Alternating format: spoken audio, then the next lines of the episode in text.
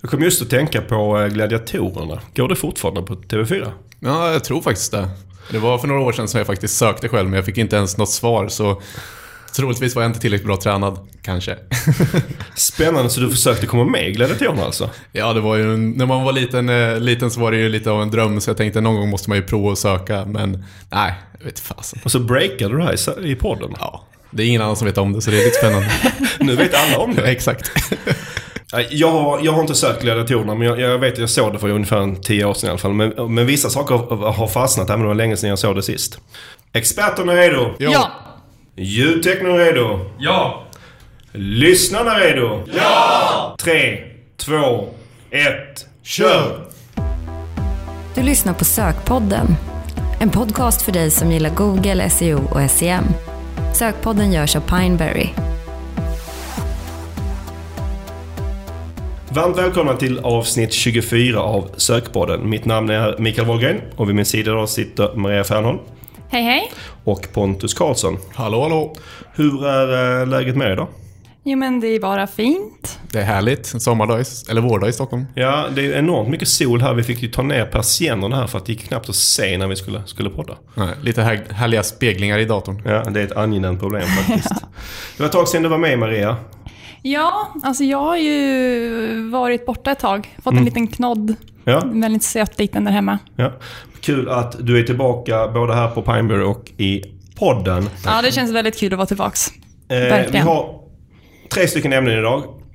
Det första är crawl budget. Japp. Sen ska vi prata om offline-konverteringar eh, på Facebook, Facebook Ads. Eh, Och sen sist ska vi prata om konferenser. Eh, vi har haft lite lyssnarkontakt sen eh, förra gången, det brukar vi ha. Eh, alltid lika roligt.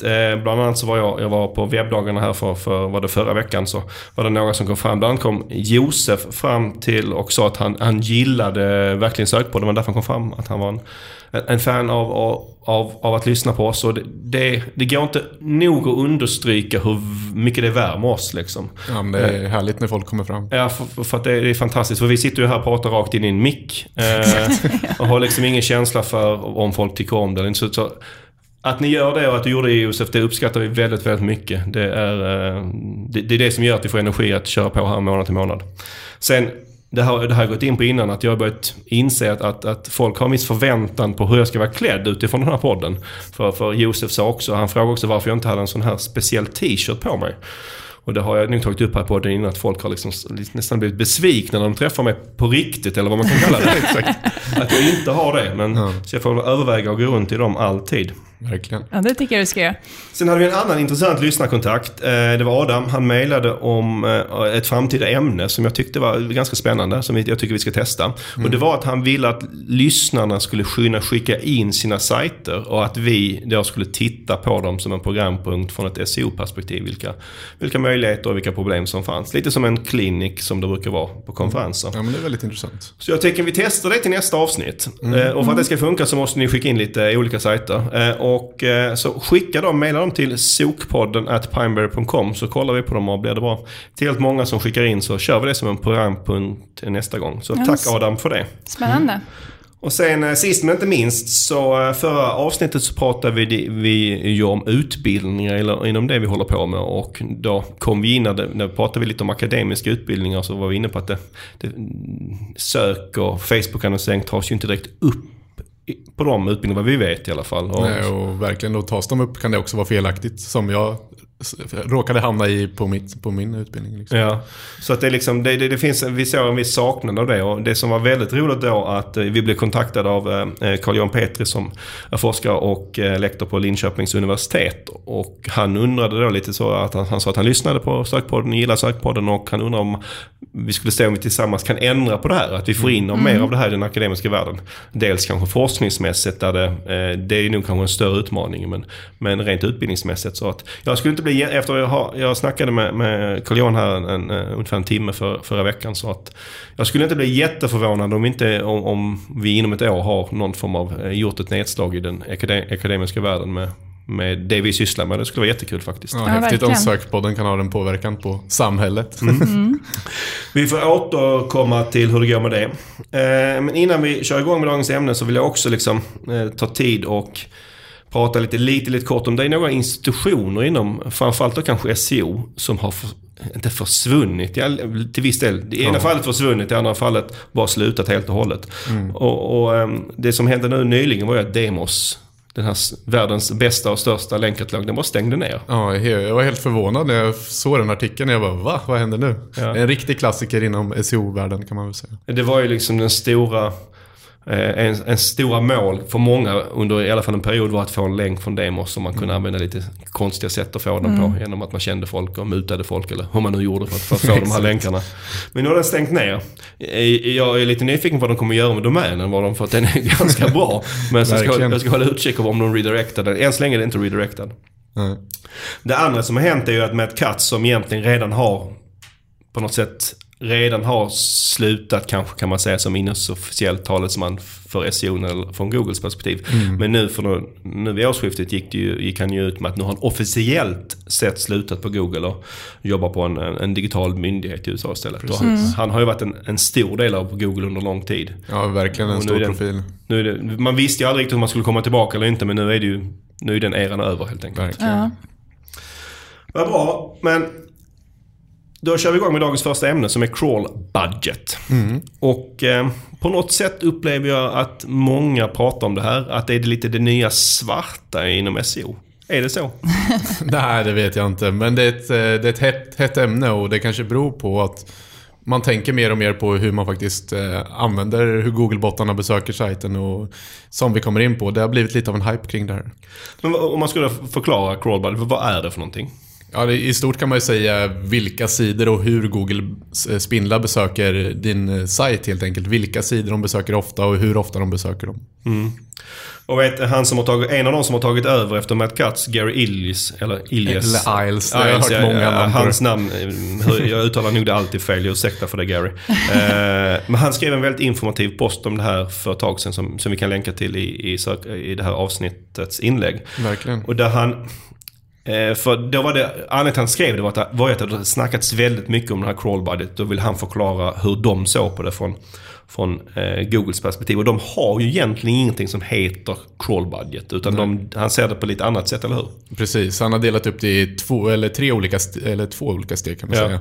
Och det är egentligen eh, crawl, crawl, crawl rate limit och crawl demand. Och man kan säga att i, i stort så är det lite samma sätt som vi har sett på det ganska länge. För att det handlar lite om hur, hur många sidor Google klarar av att crawla.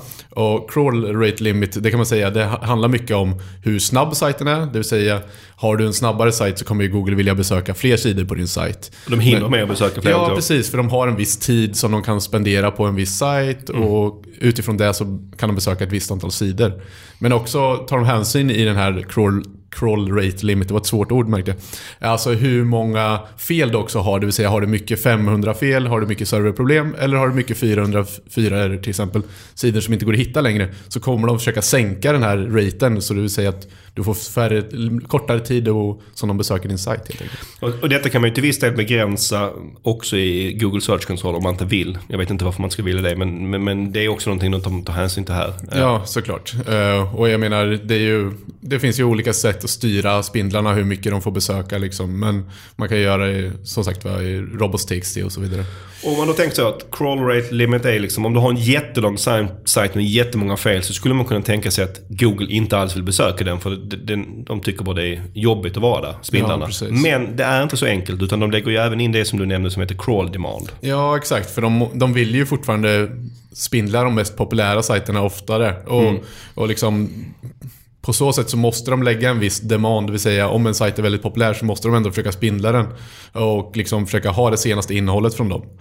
Uh, och där, där har man ju också kopplingen till att som sagt var en sajt som uppdateras oftare uh, kanske också får ett högre crawl demand. Så det, popularitet handlar ju både om i auktoritet i allmänhet, det vill säga länkar och så vidare, men också att de har väldigt eh, nytt, mycket nytt innehåll på de här specifika sidorna hela tiden. Så eh, om man skulle tänka sig att Aftonbladet, nu är det ju inte så, men säg att den skulle vara extremt långsam, ha jättemånga 404-fel. Mm. Så kommer ändå Google vara där ofta. För att det är en sån populär sajt och mm. de känner ett behov av, av, av, att hålla innehållet färskt. För Precis. att de har väldigt mycket färskt innehåll. Nej, men Google måste ju ha, de blir mer och mer utmanade på att ha det senaste indexet med alla nyhetsfunktioner och så vidare. Så det är klart att de måste försöka vara snabba på sajter som är populära. Och enligt Google då, enligt Garys post också, och så tog han upp ett par saker som kan påverka din crawl budget. Vad, vad är det för saker? Ja, ja, men typiska exemplet som vi ser på många e-handlare är till exempel filtreringar. Det vill säga att du kan liksom du kanske har hundra olika eller tusen olika filtreringar av en och samma sida. Och även om du har massa canonicals och grejer som pekar tillbaka till originalet så måste de spindla enormt många sidor till exempel. Sen har vi liksom duplicerat innehåll, 404 hackade sajter eller sidor. Ja, och massa sådana typer av lågkvalitativt innehåll helt enkelt. Mm. Vad menar du då med lågkvalitativt innehåll? Ja, oftast är det ju sajter som har antingen, som man kan prata om som spunnet innehåll, det vill säga skapat innehåll som ingen har skrivit. Det vill säga det är dåligt skrivet innehåll. Eller också så är det att det är väldigt lite innehåll på de här sidorna. Det vill säga att det finns egentligen inget riktigt värde förutom kanske SEO att verkligen bygga upp de här sidorna. Ja, och, mm. och sen ibland kan det också vara att, att sidorna skapas utan att man medvetet gör det. Utan mm. det bara blir massa tomma sidor eller vad som helst mm. sajt. Varje kommentar har en egen ja. sida. Varje... Ja. Det finns alla möjliga sådana problem. Ja, för jag skulle säga att i de flesta fall så är det inte en strategi att ha det här lågkvalitativa innehållet. Utan det, är bara liksom, det blir bara så för att man inte riktigt tänkt igenom hur man har byggt sin sajt. Verkligen. Mm. Uh, Gary sa också en annan sak att han tyckte då att vanliga sajter, vanliga företag behöver inte ens tänka crawl budget. Håller vi med om det? Ja, på ett sätt. Alltså det vill säga, man kanske borde höja lägsta nivån om du har en väldigt långsam sajt och har väldigt mycket 404-fel. Mm. Men det här handlar i stort om sajter som har väldigt mycket sidor. Som faktiskt måste få hela, alla sina sidor crawlade. Så så fort du är en e-handel i princip tycker jag du bör börja ta hänsyn till det här. Men har du, är du ett vanligt företag med 10 sidor jag vet inte hur stor påverkan det riktigt har. Liksom. Mm. Nej, jag kan ju... Men sen samtidigt ska man ju... Jag tycker man kan vara lite försiktig ibland på att lyssna på vad Google säger om vad man ska göra och inte göra. För att de säger också att man inte ska tänka för mycket på SEO. Det håller jag inte riktigt med om. Och, uh, men han har ju en poäng att, att för vanliga sajter så kanske det inte är ett stort problem. Mm. Men det vet man ju inte förrän man har tittat. Nej, och, nej men verkligen så är det ju. Och precis som du säger, oftast indexeras ju de här. Man tror kanske att man har 10-15 sidor men du har 10 000 sidor för att det skapas massa genererade sidor på olika sätt. Liksom. Och det är kanske inte sajtägaren har en aning om.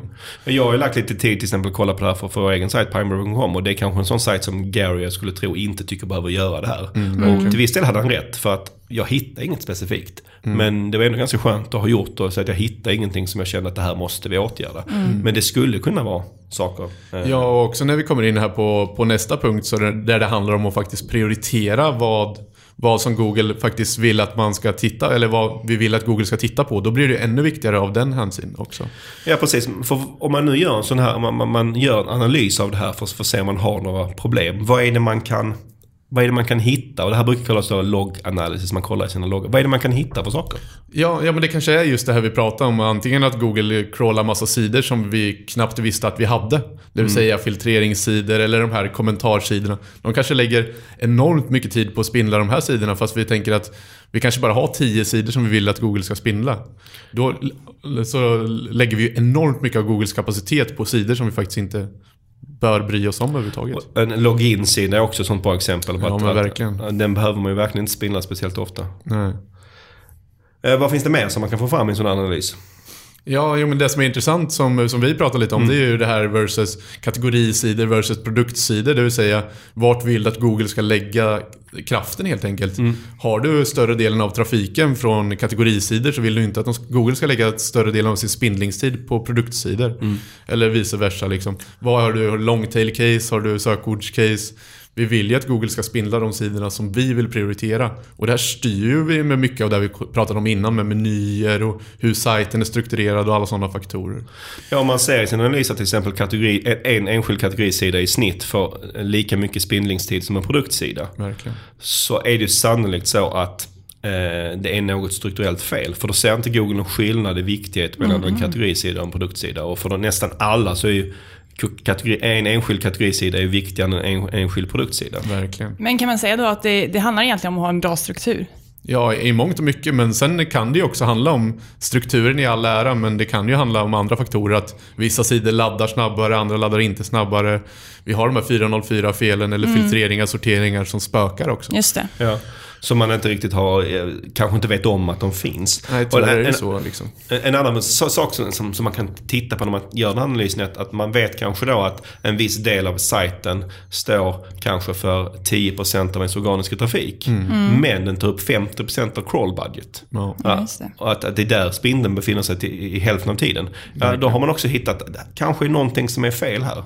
Återigen, det här kanske är mest applicerbart på stora sajter. Men, men det är sådana saker man får leta efter. Verkligen. Och sen är det, handlar det mycket om att leta, leta fel helt enkelt. Och där har vi ju som sagt var de här felen som vi pratade om som 404 eller också även redirect som kan spöka i det här. Där det är enormt viktigt att säkerställa att vi inte har några serverproblem så Google liksom nedvärderar oss på grund av det eller vi har massa borttagna produkter som fortfarande ligger länkade som 404 och så vidare. Och sen är det också så att det är många som eh, jobbar, alltså, för det finns ju en viss, i alla fall för vissa typer av sajter så finns det ju den här faktorn att Google gillar färskt innehåll. Och att man då investerar i det för man tänker att det kommer vara en fördel för oss SEO-mässigt om vi har färskt innehåll och lägger tid och pengar på det. Men bara för att man själv publicerar det så betyder ju inte det att det blir färskt. På, på ett sätt. För att Framförallt inte om syftet är SEO. För det blir ju inte färskt och nytt från Google går dit och hämtar det. Nej, Nej. Och om man ser då att Google är, liksom är långsam på att göra det här, att de inte, det tar kanske en vecka för att de ska fånga upp det här nya innehållet. Ja, då har du ett problem. Då kanske inte det är lönt att investera i det här förrän du har löst att Google hämtar det här snabbt. Och det är ju då också någonting man kan komma fram till en sån här analys. Ja, ja, men verkligen. precis. Men Pontus, det finns väl en hel del olika verktyg man kan använda för att kolla det här? Ja, ja men verkligen. Och, och det handlar ju väldigt mycket om att liksom arbeta med olika typer av verktyg för att titta på olika problem. Och gratisverktyget vi har att jobba med är ju Google Search Console där vi liksom kan följa upp sådana saker som 404 och så vidare. Men fördelen där är ju att det är gratis såklart. Google tillhandahåller det så vi vet att det är Googles förutsättningar. Det är ganska enkelt men man märker att det är ganska få som använder det fortfarande. Det är det som tidigare hette Webmaster Tools för, för er som har varit med ett tag. Ja, de har de viktigaste faktorerna men samtidigt så är det svårt att göra någon direkt analys i det förutom att titta på, på felen och titta på laddningstider och vad som faktiskt, eller hur många sidor som spindlas. För det går inte riktigt att få den här typen av information om vad det är som spindlas i Search Console på ett bra sätt. Nej, och sen har de ju ganska mycket begränsningar. Dels i antal sidor som visas där och också liksom att de visar, de visar till för viss del 404-fel men de visar ju inte 302. Så att, och det kan ju också vara ett problem att du har 302 en sida som du inte vet om eller borde ha 302 Precis. Just det. Men så egentligen kan man väl säga att för att få lite grundkoll så behöver det inte ta så mycket tid. Då kan man ta sig en titt i Search Console. Ja, ja, alltså för dem, kanske för de sajter som Gary pratar om inte behöver tänka så mycket på här. Där kanske det räcker att man börjar där i alla fall. Ja men verkligen. Eh, Men en annan sak man ska veta med Search Console är att det, tar, det är inte alltid så uppdaterat. Alltså om du går in där och kollar vilka 404 du har så är de kanske inte alltid 404. För att det är inte så att det uppdateras i realtid. Nej. Det är väl också kanske en, en, en lite av en nedsida med det verktyget. Mm. Nej men så är det ju. Så är, har du en större sajt så kanske du borde ha något annat verktyg du jobbar med parallellt. Liksom. Och där har du ett bra tips, eller hur? Ja, precis. Eh, Vi älskar ju alla Screaming Frog och de har ju sin eh, Log Analyzer också som är ett komplement till Ja, man kan säga ett komplement till Search Console. Eller egentligen ett helt eget verktyg. Eh, Och, och det är ett, eller hur, det är ett helt separat verktyg från den vanliga Screaming Frog. Precis. Så de har byggt en, en, ett verktyg till helt enkelt som har ett helt annat syfte. Och det här handlar ju liksom om att bearbeta loggfiler. Och, eh, loggfiler är ju någonting som servern ger beroende på vad det är för sidor som har requestats kan man säga. Så den sparar information om vad det är för sidor som har requestats. Och det, det här är någonting som jag vet både du och jag- har testat, eller hur? Pontus? Ja, precis. Och, och det, jag upplever att den svåraste nöten att knäcka här är kanske inte att hantera och förstå verktyget, för det är ganska intuitivt. Utan att det är få tillgång till den här loggfilen.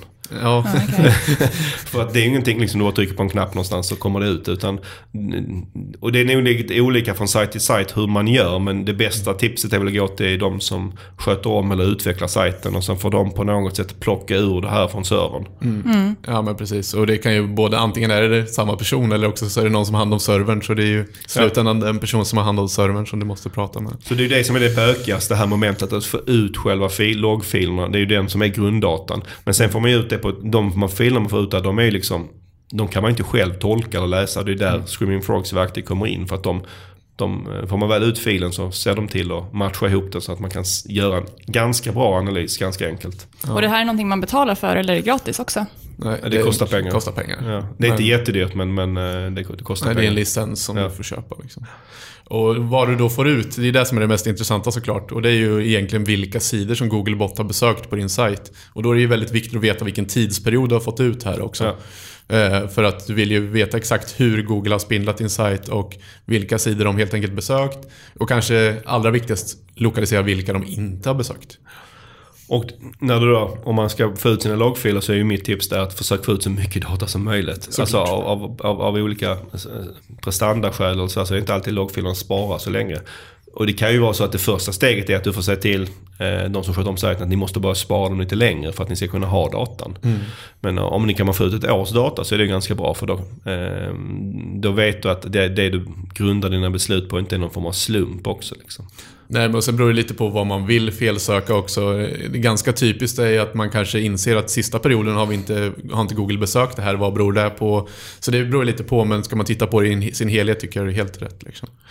Om vi säger då att eh, Google Search Console är det kanske det man kan börja göra som alla kan göra. Eh, Så är Screaming Frog Log Analyzer ändå någonting som de flesta kan göra om man är beredd att göra den investeringen i tid. Det är inte speciellt svårt att göra det alls. För, alltså, det är bara att få ut filen och sen köpa den licensen. Precis. Men sen nästa steg. Det är ju eh, använda BigQuery. Eh, och det är ett dataanalysverktyg från Google. Och skillnaden är att där skjuter du också in loggfilen. Så du har samma problematik kring att få ut loggfilen. Men där kan du ställa egna SQL-frågor. Alltså du är inte eh, begränsad till den funktionaliteten som finns i, i loggen. Alltså det, Utan du kan, ställa, du kan kolla på precis vad du vill. Om du nu kan det här. Precis. Och jag var på föreläsning med en kille som heter Dominic Woodman från eh, en byrå som heter Distilled från, eh, från England. Om det här, som pratade väldigt bra om det här och det kändes som att det här han gjorde dagarna ända. Det kan inte vara så. Men Han var väldigt passionerad och engagerad här och en väldigt bra föreläsning. Han sålde in det så till den grad till mig att han sa att det här kan man göra även om man inte har så mycket teknisk kunskap. Och hur gick det? Ja, det gick sådär va. Ehm, jag, jag tog ju utmaning och testade lite och jag körde fast ganska många gånger där det här BigQuery. Så att, eh, men det är ju någonting man kan testa och det kan vara att man behöver lite teknisk hjälp där. För då kan du, framförallt om du storsätter, för då kan du göra frågor som, som tydligare liksom titta på det du tror är ett problem och så vidare. Så att det är väl liksom... Och det här utgår ju mycket från att vi oftast har ett problem att spindla på stora sajter med Screaming Frog och vi har problem med liksom, då handlar det om att hantera stora mängder data som vi redan har liksom, i BigQuery. Ja.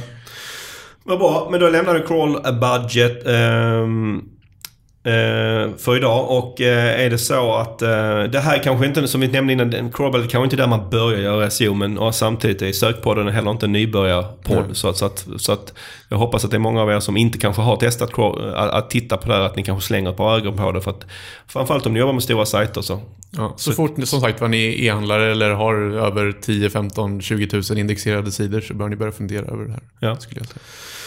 Eh, vad bra. Nästa ämne eh, för dagen handlar om eh, offline-konvertering och då på Facebook. Och det här är liksom en lite ny grej, eller hur Maria? Ja, men precis. Det har ju kommit ganska nyligen och det är alltså face... Det betyder att vi med Facebook-annonseringen kan mäta konverteringar i vår fys- fysiska butik. Och det här handlar ju om attribution kan man säga, som är någonting vi har pratat ofta om i podden. Och, och om det är någonting Google pratar mycket om, eh, och Facebook för den delen, eh, så är det ju attribution. Såklart. För hur, vem ska få äran för den marknadsföringsinsats man gör? Ja, men Eh, precis. Så vi, vi har ju pratat mycket om det är klickkonverteringar, det är view-konverteringar, vi kollar i Google Analytics, vi kollar i Facebook. Det som är spännande här är att här mäter vi saker som är utanför Facebook. Ja, och det är ju någonting man ofta pratar om, liksom den här effekten av att du kanske annonserar på Google och Facebook men sen händer det ju andra saker runt omkring som inte alltid går att mäta. Ja, men precis. Och här har då Facebook gjort ett, ett, ett sätt som man kan i alla fall få en känsla för det. Hur, eh, hur praktiskt fungerar det? Ja, men eh, rent praktiskt så är det faktiskt ganska enkelt. Ehm, man behöver då som alltid ett, ett Google, eh, förlåt, Facebook Business Manager och ett annonskonto. Sen så har man ju alltid en Facebook-sida och i det här fallet så kanske man har flera olika lokala Facebook-sidor om man då har flera olika lokala butiker. Ja. eh, som man då vill, vill annonsera ifrån. Ehm, och i sitt business manager sätter man upp en så kallad händelseuppsättning. Så det är själva liksom konverteringshändelsen då. Och, det, är ju- det är egentligen den som är ny, eller hur? Ja, men precis. precis. Eh, och sen efter det så handlar det egentligen bara om att, att samla in data i den fysiska butiken från de som kommer och handlar. Ehm, för man ska sedan ladda upp det här dokumentet med data in. Och vad kan det vara för data? Ehm, det som är allra viktigast är såklart att få in mailadressen. För det är den som man oftast då matchar mot, eh, mot eh, personerna på Facebook då, som har sett din annons. Eh, Men även annan data och viss data är obligatorisk. Men det är alltså köpdata, värdet av konverteringen eller köpet. Eh, Och gärna samla in så mycket data som möjligt egentligen. För då ökar man ju chansen att Facebook kan matcha det mot en användare på Facebook. Till Ja, men exempel om man, även om det är telefonnummer. Ja, men precis. Och det, det är inte så ofta man har kanske telefonnummer på sitt Facebook-konto, därav e-mail är ju den som har störst chans Ja. oftast. Och det här kan man då matcha i, alltså det här kan, hur man samlar in det här i butik kan ju vara på en massa olika sätt beroende på vad, vad man gör. Men det kan ju vara att man kanske har en kundklubb. Då har man ju Ja, men datan. precis. Eller jag, jag, det, jag stöter på mer och mer på att man kanske i, på vissa butiker har möjlighet att få kvittot e-maila till sig. Det är också ett sätt att, att få dem att få in e-mailen då, eh, i, i butiken. Verkligen. Ehm, och sen, sen när man har den här datan, då laddar man upp den manuellt eller? Ja, men precis. Så man kan ladda upp den manuellt eller så kan man använda sig av ett API. Men för det som är bra här är att de allra minsta butikerna kan ju enkelt att ladda upp den själv. Det, det, det är ett första steg. Man kan inte utveckla en API-lösning direkt. Men... Nej, precis. Och vad är den stora fördelen med, med det här? Alltså för butikerna att kunna göra det här. Varför, varför ska man överhuvudtaget göra det? Men det är ju ett sätt att sammanföra online och offline. Alltså vi kan nu se eh, vad vår online-annonsering får för effekt i den fysiska butiken. Och vad är då, alltså vi kan se effekt, effekten från annonserna och titta på kostnaden där och hur, vad vi får för intäkt i butiken. Och alltså vilka som då har sett en annons eller klickat på en annons och hur de då konverterar. Så man kan få en bättre känsla för vad annonsering egentligen ger. Ja, men precis. Och det blir extra viktigt såklart för dem där kanske den fysiska butiken är allra viktigast. Och de kanske har en online-butik, men det, det är inte det de fokuserar på mest. Ja, och anledningen till att vi tyckte det var så intressant så vi tog upp det som ämne här i podden är att, att det är här jag kan tycka att Facebook visar sin riktiga styrka. Verkligen. För att Google har en stor fördel är, att när vi googlar så, så visar vi intentioner och så vidare. Men Facebooks enorma styrka är att de vet så extremt mycket om oss. Till exempel så att vi kan göra det här. Vi kan med, med ganska hög träffsäkerhet ladda upp sådana här listor med mailadresser och få bra data. Och det går att göra det manuellt också. Liksom. Alltså att det, det är så pass enkelt. Eh, för eh, Google har ju en liknande lösning, eller hur? Ja, verkligen. Men den är bra mycket mer avancerad med tanke på att Google inte alltid har samma typ av information och så vidare. Eller de har inte tänkt lika enkelt. De har något som kallas Google Store Visits. Ja, när vi pratade om det här innan så, så, så, så sa du en ganska bra sak på en Man hör redan på namnet att det är en skillnad, eller hur? Mm, det är lite kul det där med att eh, Facebook kallar det offline-konverteringar och eh, eh, Google väljer att kalla det store visits. För det är ju, de är ju lite speciella med det här med attribution och jag menar Facebook försöker koppla det till en konvertering medan Google försöker koppla det till att du besökt butiken helt enkelt. Ja.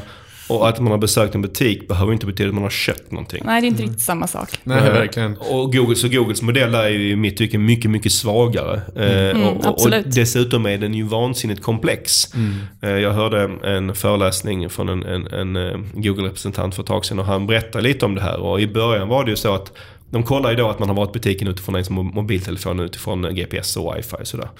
Men då insåg de ju först att ja, ja, men när de bara tittar rent allmänt på det här så blev det inte exakt nog. För det kanske räckte att man har varit i närheten för att det skulle räknas som ett besök. De var inte ens säkra att man var inne i butiken. Så det de gör nu så vitt jag förstår är att de åker ut och mäter upp butiker för att kunna mäta det här liksom. Och bara där blir det ju en jätteapparat. Ja, ja men verkligen. Och vi fick lite siffror på att det var ganska, my- det var, det var så här, ganska mycket klick som man behövde för att få köra det här. Men det var inte så här vansinnigt mycket som vi kanske trodde med tanke på att de ändå ska åka upp och mäta ut butikerna faktiskt. Ja, det tror jag är för att Google verkligen vill att man ska göra det här om man kan. För att de vill mäta, visa på effekten av Ja, Google. men verkligen. Då kan man ju lägga mer pengar hos dem såklart om man ser ett större värde. Mm. Men det är ju, det, det, då pratar vi om, det är de kanske de absolut största butikskedjorna i Sverige. Det är ju ingenting som man gör som en, om man har en eller få butiker. Ja, jag vart ändå lite sådär när jag såg de siffrorna att eh, är det ett hyfsat stort segment så kan man nog kanske göra det men du behöver nog som sagt vara ganska stor annonsör ändå på månatlig basis hos Google. Ja. Jag bara känner för, ser framför mig att det är ett sånt väldigt stort projekt. Medan så här på jo, det Facebook är det så att om du redan, alltså, det, det enda grejen på Facebook är att du måste samla in e-mail. Och det, gör Men- man redan det idag Ja, men precis. så jag är det tänker mig, ingenting. Nej, men precis. Jag tänker med lokala hårfrisören. Mm. Alltså det är ett perfekt sätt. De kan, de kanske redan tar e-mailadressen när de när de tar betalt eller Ja, så. men precis. Och Ja. då kan de enkelt annonsera mot existerande kunder eller mot nya kunder då i området. Sa- Samtidigt eh, som ett tecken på att kanske Google, eller förlåt Facebook satsar lite extra på butiker. Så samtidigt som de har släppt det här så har de släppt en annan sak som egentligen inte kanske har med offline-konverteringar att göra. Men som är en bra kombo tillsammans med det, eller hur? Ja, men precis. Så att, ehm, det var lite det jag var inne på, det här med att annonsera lokalt. Så vi har ju tidigare haft en, en lokal awareness-kampanj, alltså att man har kunnat annonserar lokalt. Och, och Facebook har utvecklat den här nu, så att vi har en eh, butiksbesökkampanj, heter den. Den är alltså riktad på att få driva personer till butiken, eller om det är då hårfrisörer eller vad det kan vara. Um, och um, en variant då på den här lokala awareness-kampanjen. Och det som är spännande här är att man jobbar med dynamiska annonskampanjer som, rik- som man då riktar till personer som un- är runt omkring den lokala butik. Ehm, man jobbar lite grann som med DPA-annonserna, som ni kommer ihåg, vi pratade om det förut, jag tror det var något år sedan. Det här med att man har en annonsmall och så kan man lyfta in ehm, text i annonsen dynamiskt. Och i det här fallet då så kan det handla om öppettider, eller kanske eh, adressen till din butik. Och eh, får man också lite speciella call to actions element i den här inriktningen också. Ja, precis. Så då kan man välja att ha att man kan få en beskrivning till butiken. Eller att man ska ringa direkt till butiken kan man göra. Eh, Så båda är ju väldigt lokala och, och bra om man då är i området och, och har möjlighet att komma in, helt enkelt. Har du några tips man ska tänka på om man ska köra igång med den här inriktningen? Ja, alltså den här inriktningen kan ju vara jättebra om man har många små, många små olika butiker runt om i landet. Gör det väldigt enkelt och smidigt. Eh, Det man måste börja med är alltså att konfigurera sidorna på Facebook, alltså lägga in alla de här adresserna. Så det är ju är lite arbete i det, men när du väl har gjort det så blir det väldigt dynamiskt och automatiskt. och kommer funka väldigt smidigt. Ehm, så det är väl egentligen det. Och det är som jag sa tidigare, man behöver samma saker som, som man behöver för att skapa en offline-konvertering-kampanj egentligen. Mm. Hur ska man tänka på eh, målgrupp och räckvidd och sådär om man annonserar på det här sättet? Så man får en, en automatisk, eh, ett automatiskt ett område runt, runt din butik. Ja. Och då tittar Facebook lite grann på hur folktätt är i ditt område. Och de kommer ge dig en större räckvidd om det är mindre folk i närheten och ett liksom lite mindre geograf, geografisk räckvidd om det är färre folk. Och det är egentligen Alltså det är ganska smart, för bor man på landet kanske man kan tänka sig att åka lite längre. Bor man mitt i stan, då kanske man inte kan åka så länge. Och så blir det också bättre för Facebook såklart, för det blir eh, lite större målgrupp om det inte är så folktätt. Nej, det blir alltså, är, det en butik på, på landet så, så blir det kanske ingen målgrupp att tala om överhuvudtaget. annars. Nej, precis, precis. Um, men det jag brukar säga här är att man kan, man kan optimera mot eh, visning per dag. Alltså en risk med en sån här väldigt liten och geografisk kampanj, som en väldigt eh, liten målgrupp, det är att man, man får en väldigt hög frekvens. Man tjatar ut sin målgrupp och visar annonsen tio gånger om dagen. Men då kan man best- bestämma att vi vill bara visa den en gång om dagen, så att det, blir, eh, så att det aldrig blir den här liksom, mättnaden på målgruppen. Spännande. Eh, med det så lämnar vi eh, Facebook och online-konverteringar och eh, butiker och går vidare till dagens sista ämne som är konferenser. Förra gången pratade vi som sagt om utbildningar inom sök och Facebook och nu tänkte vi prata om något lite närliggande konferenser. Och eh, det är lite aktuellt i alla fall för mig som har varit på ett par de senaste veckorna så vi tyckte det passade bra att prata om eh, det, det just nu. Och en, en första fråga som jag själv ställde mig liksom och som jag vet att vi brukar brottas med lite ibland. Är det, liksom, är det värt, och det här kanske inte gäller speciellt i vår bransch, men är det värt överhuvudtaget att åka på konferenser? Hur ser ni på det när ni Alltså, funderar på det? Jag har ju alltid varit lite tvivelaktig. Det som jag tycker är väldigt intressant att åka på konferenser är ju nätverkandet. För att Ja. jag tycker oftast att nivån oftast inte är så pass hög på liksom föreläsarna eller det är ganska mycket helikopterperspektiv. Vilket kanske passar dig i din roll ganska mycket medan oss som är lite mer specialister kanske inte riktigt så anpassat alltid. Jag gillar nog också specialist. Alltså jag tycker Ja. det är de som jag verkligen går igång på. Jag tycker de, de här lite för generella eh, in, alltså, vinklarna ger mig heller inte lika mycket. Måste jag säga. Men det kan ju vara väldigt inspirerande. Jag tänker också ibland så kan man ju komma på sådana här som man inte trodde skulle vara bra. Ja. Det är väldigt inspirerande. Alltså på nedsidan är det dels kostar det pengar och kanske dels pengar för att du går på konferensen men också man lägger ganska mycket tid på det. Men ibland kan jag se uppsidan att om du inte går på en konferens så avsätter du inte tid heller för att, att, ta in kunskap. För att ofta kan du ta in den kunskapen som du eventuellt får på en konferens. Den går ju att få in på annat sätt. Till exempel Ja. att de personerna som det är någon som föreläser väldigt intressant om ett ämne så har han eller hon garanterat bloggat om det. I något annat sammanhang. Så du kan ju få in informationen. Men det är inte säkert att du tar dig tid till att göra det. Och så är det paketerat på ett lite Lite lättaptitligare sätt kanske än, än, när du är på en konferens. Ja, men och det är ju som du säger, det är ju oftast väldigt inspirerande och även om man bara får med sig någon enstaka grej så kan det ju vara enormt värdefullt liksom. Jag brukar ha som min, min tumregel om jag är nöjd eller missnöjd med en konferens. Att får jag med en sak om dagen så är jag nöjd. Ehm, vad bra. Ehm, och eh, i höstas då, så jag bestämde mig i höstas att det var ett tag sedan jag var på en ehm, eh, specifik, lite mer internationell sökkonferens. Så jag gjorde lite lite research var jag skulle åka. Jag vill åka på en nu i vår. Och eh, det finns ju inte hur många som helst. Eh, det finns ett antal. Och jag jämförde lite utifrån eh, när det var rent praktiskt för min egen del datum och sådär. Men, men mest utifrån liksom talarlistor och ämnen och sådär. Vem, var har, är det intressantaste jag vet, alltså startfält så att säga. Vad, vad gick du mest på då? då? Ja, men, en- lite magkänsla, men det var personer jag liksom, det här är personer jag, jag, liksom, jag vet är väldigt duktiga. Och man ser Ja. också vad de skulle prata om. Ja, eh, så, eh, så ser man, ja men det här, här, det här lockar mig. Och då, då stod det faktiskt mellan, eh, det var en eh, konferens i San Diego och en i München. Och de, de var väl hyfsat likvärdiga tyckte jag i, i förutsättningar. Men det kändes lite enklare att ta sig till München. Det är två timmars flyg. det? Än att åka till San Diego. Vilken blev det då? Det, är alltså, jag, var, jag, jag valde SMX i, i München som, som jag var på eh, i, i förra veckan. Eller var det förra veckan? Nej, det var Nej, för, för- för, förra veckan. förra veckan var det. Ja. Eh, förra veckan var det en annan konferens. Var det något bra då? Ja, men alltså, mm, det måste jag säga att jag... ehm, jag var, det var ett tag sedan som jag var på sådana stor. Jag har varit på sådana innan, det var sådana stor. Det var, och det är kanske därför jag också tyckte det var så bra. För att mm, det kanske inte alltid är bra att åka på dem varje år. Eh, för att det kanske är lite samma sak. Men det är faktiskt så att SMX då som är i München. SMX är ju någonting som går runt i ett par olika städer i Europa och ett par olika städer i USA. Så det är en av de största renodlade sök. För det är verkligen renodlat på sök. Mm, det, är- nice. Det är två dagar, 1500 personer, det är 70 föreläsningar. Du kan ju inte gå på alla för många går parallellt. Men så det finns ju nästan alltid någonting att välja på som är intressant. Eh, Så jag måste säga att det var bra. Eh, Några saker som stod ut tyckte jag. Jag tyckte Rand Fishkin, eh, Whiteboard Friday, som han är kanske mest känd för. Han höll en ganska bra keynote där. Framförallt där, han pratade väldigt mycket om clickstream-data. Ja, det är någonting vi har fastnat för ganska mycket den sista tiden och pratat om. Ja, precis. Och han, det som är lite roligt är att efter hans föreläsning så hanns det med en fråga och då, då var frågan eh, gällande kvaliteten med clickstream-data. Ungefär som vi ifrågasatte eh, alltså, var kommer den ifrån? Och Rand svarade på den ganska bra tyckte jag, men jag blev ändå inte sådär jättemycket klokare. Nej. Men det som kanske var mest intressant från hans data, om man nu tror på att datan stämmer. eh, Det har väl ändå sett ett visst frågetecken för det. Eh, Och sen så var det också så att det är USA-data, så att det vet man inte. Men det var, det var faktiskt ganska få som totalt sett klickar på annonser. Verkligen.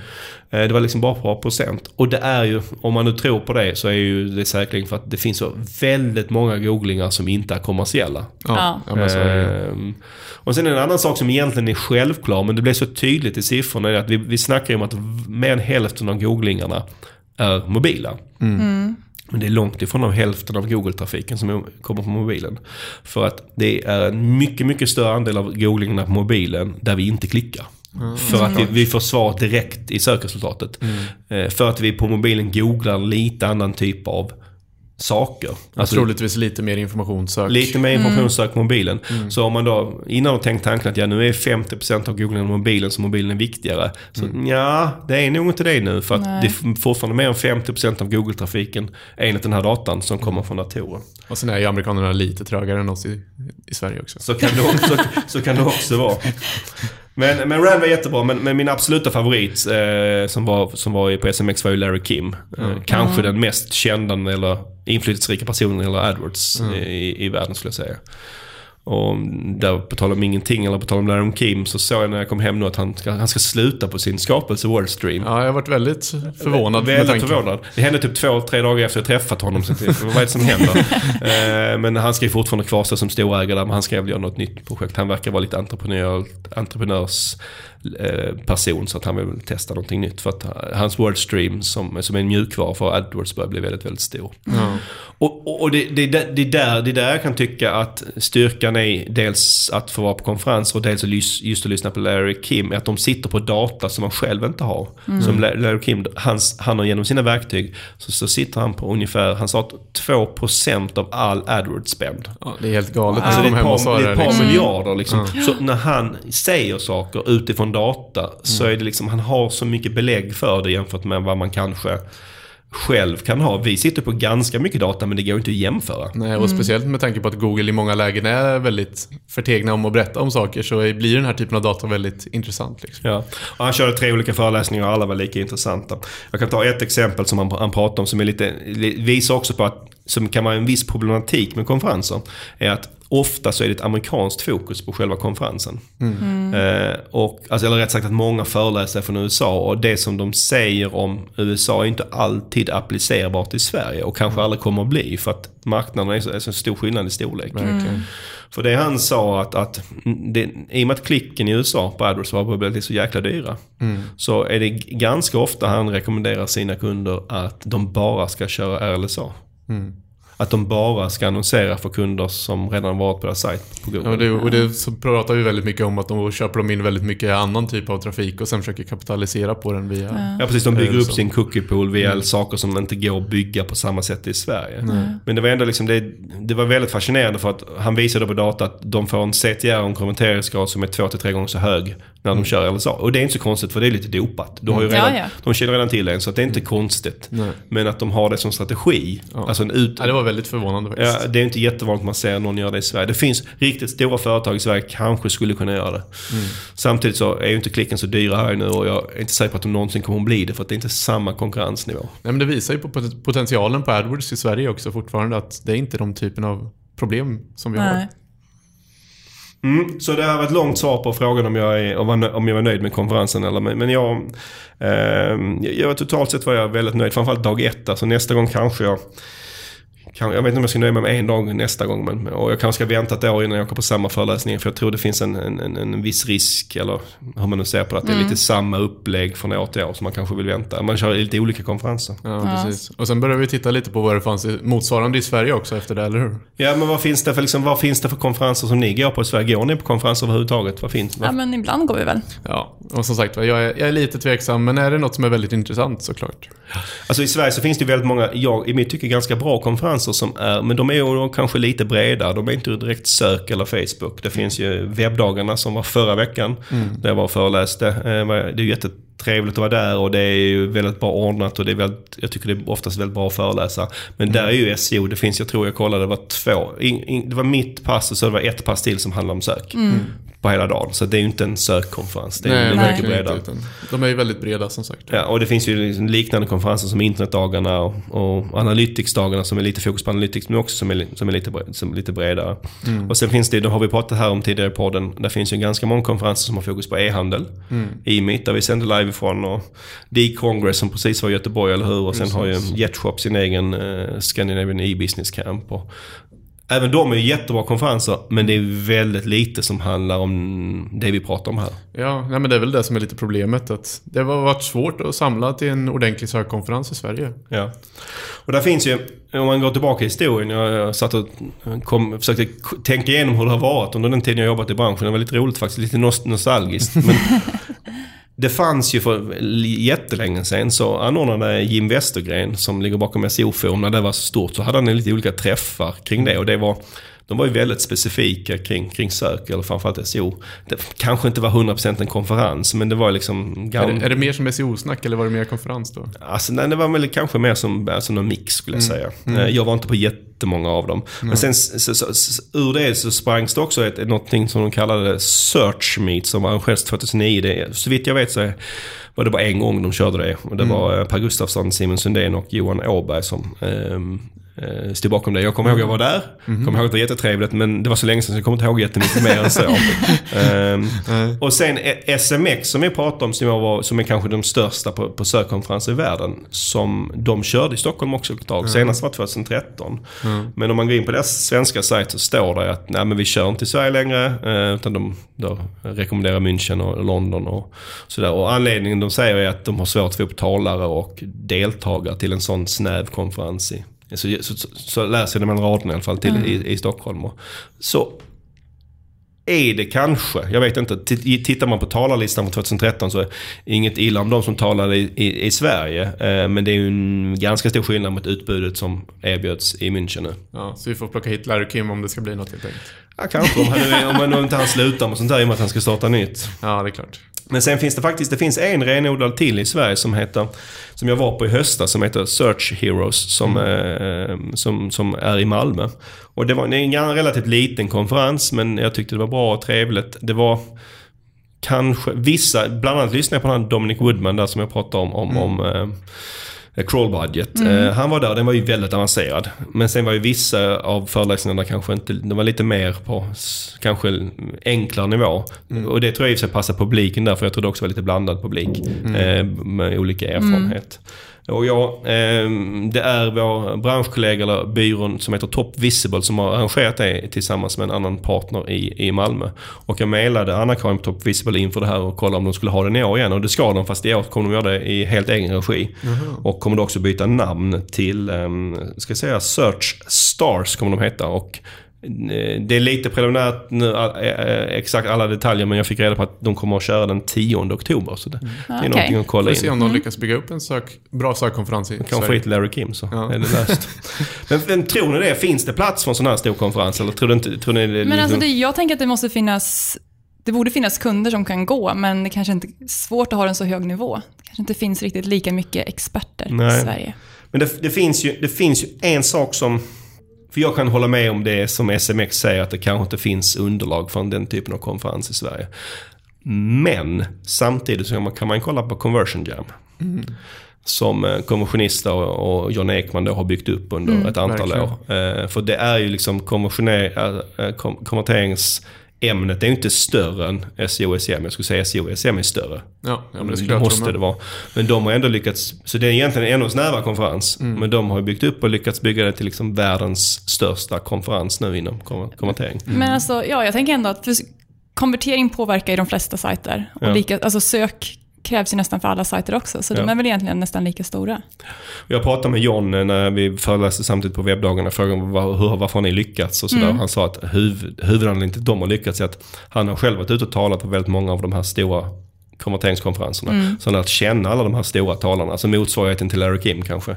Eh, Så han har, han har lyckats få hit dem och då har man baserat på det lyckats skapa den, eh, intresset kring det. Vi har ju pratat ganska mycket om, om primärt sökkonferenser då. Eh, vi har inte pratat så mycket om konferenser för, för annonsering på Facebook. Finns det några sådana överhuvudtaget Maria? Nej, alltså det finns inte så mycket. Jag har varit på några så här dagar där man tittar på sociala medier, men just annonsering från Facebook renodlat finns ju inte så mycket. Nej, och det hänger en gång kanske till viss del ihop med att, att det är lite nyare. Eh, det har inte hunnit skapa någonting. Eh, en, och jag, jag vet, känner heller inte till att det finns någon sån i, i Sverige i alla fall som är fokuserad kring det. Eh, men det är en lite rolig detalj när jag var på SMX i München här för två veckor sedan. Så en av dagarna så var det faktiskt en konferens som till 100% handlar om Facebook-annonsering som de har lagt samtidigt då. Ja, okej. I och för sig var allting där på tyska, men det ändå, visar ändå på någonting att det är en lite större marknad. Där har det börjat komma, så det kan, kanske kommer någonting. Kanske nästa steg liksom. Kanske nästa steg även här i Sverige, att det kommer komma någon renodlad kring, kring Facebook. Eh, vad bra, ni som lyssnar där ute. Vi har säkert missat någon bra konferens. Ni får gärna tipsa oss om det, eh, som ni tycker att vi eller lyssnarna borde gå på. Någon som, något guldkorn ni sitter på. Så kan vi få återkomma om det i, i nästa eh, podd. Men då närmar vi oss slutet av dagens eh, avsnitt. Som vanligt, som alltid, Har ni feedback så hör gärna av er. Ris som ros och förslag på nya ämnen. Sånt det tar vi tacksamt emot. Verkligen. Absolut. Eh, maila på sokpodden.pineberry.com eller eh, tweeta till oss på sokmotkonsult på Twitter. Eh, en sak jag vill nämna här som vi nämner lite av och till och nu är vi igen eh, på Pineberry i, eh, i rekryteringstagen. Vi söker folk, nya konsulter. Eh, så är du intresserad av det, gå in på pineberry.com eh, slash jobb och kolla in vad det finns. Framförallt kanske om du är en person som eh, har jobbat ett tag med Facebook. Det skulle passa oss väldigt bra. Verkligen. Eh, Men innan vi slutar Pontus, så, så känns det här lite, och det känns lite hela tiden vi har pratat som du vet den här filmen Tillbaka till framtiden, eller hur? Ja, väldigt speciellt faktiskt. För det här, säga. vänta nu, nu ska jag säga så jag säger rätt. Det här är ju avsnitt 24. Ja, stämmer bra. Och precis innan vi började här så spelade vi in avsnitt 25. Ja, det var lite innan speciellt. 24. Det, ja, det känns, jag vet inte riktigt i vilken ordning vi ska prata om det. Nej.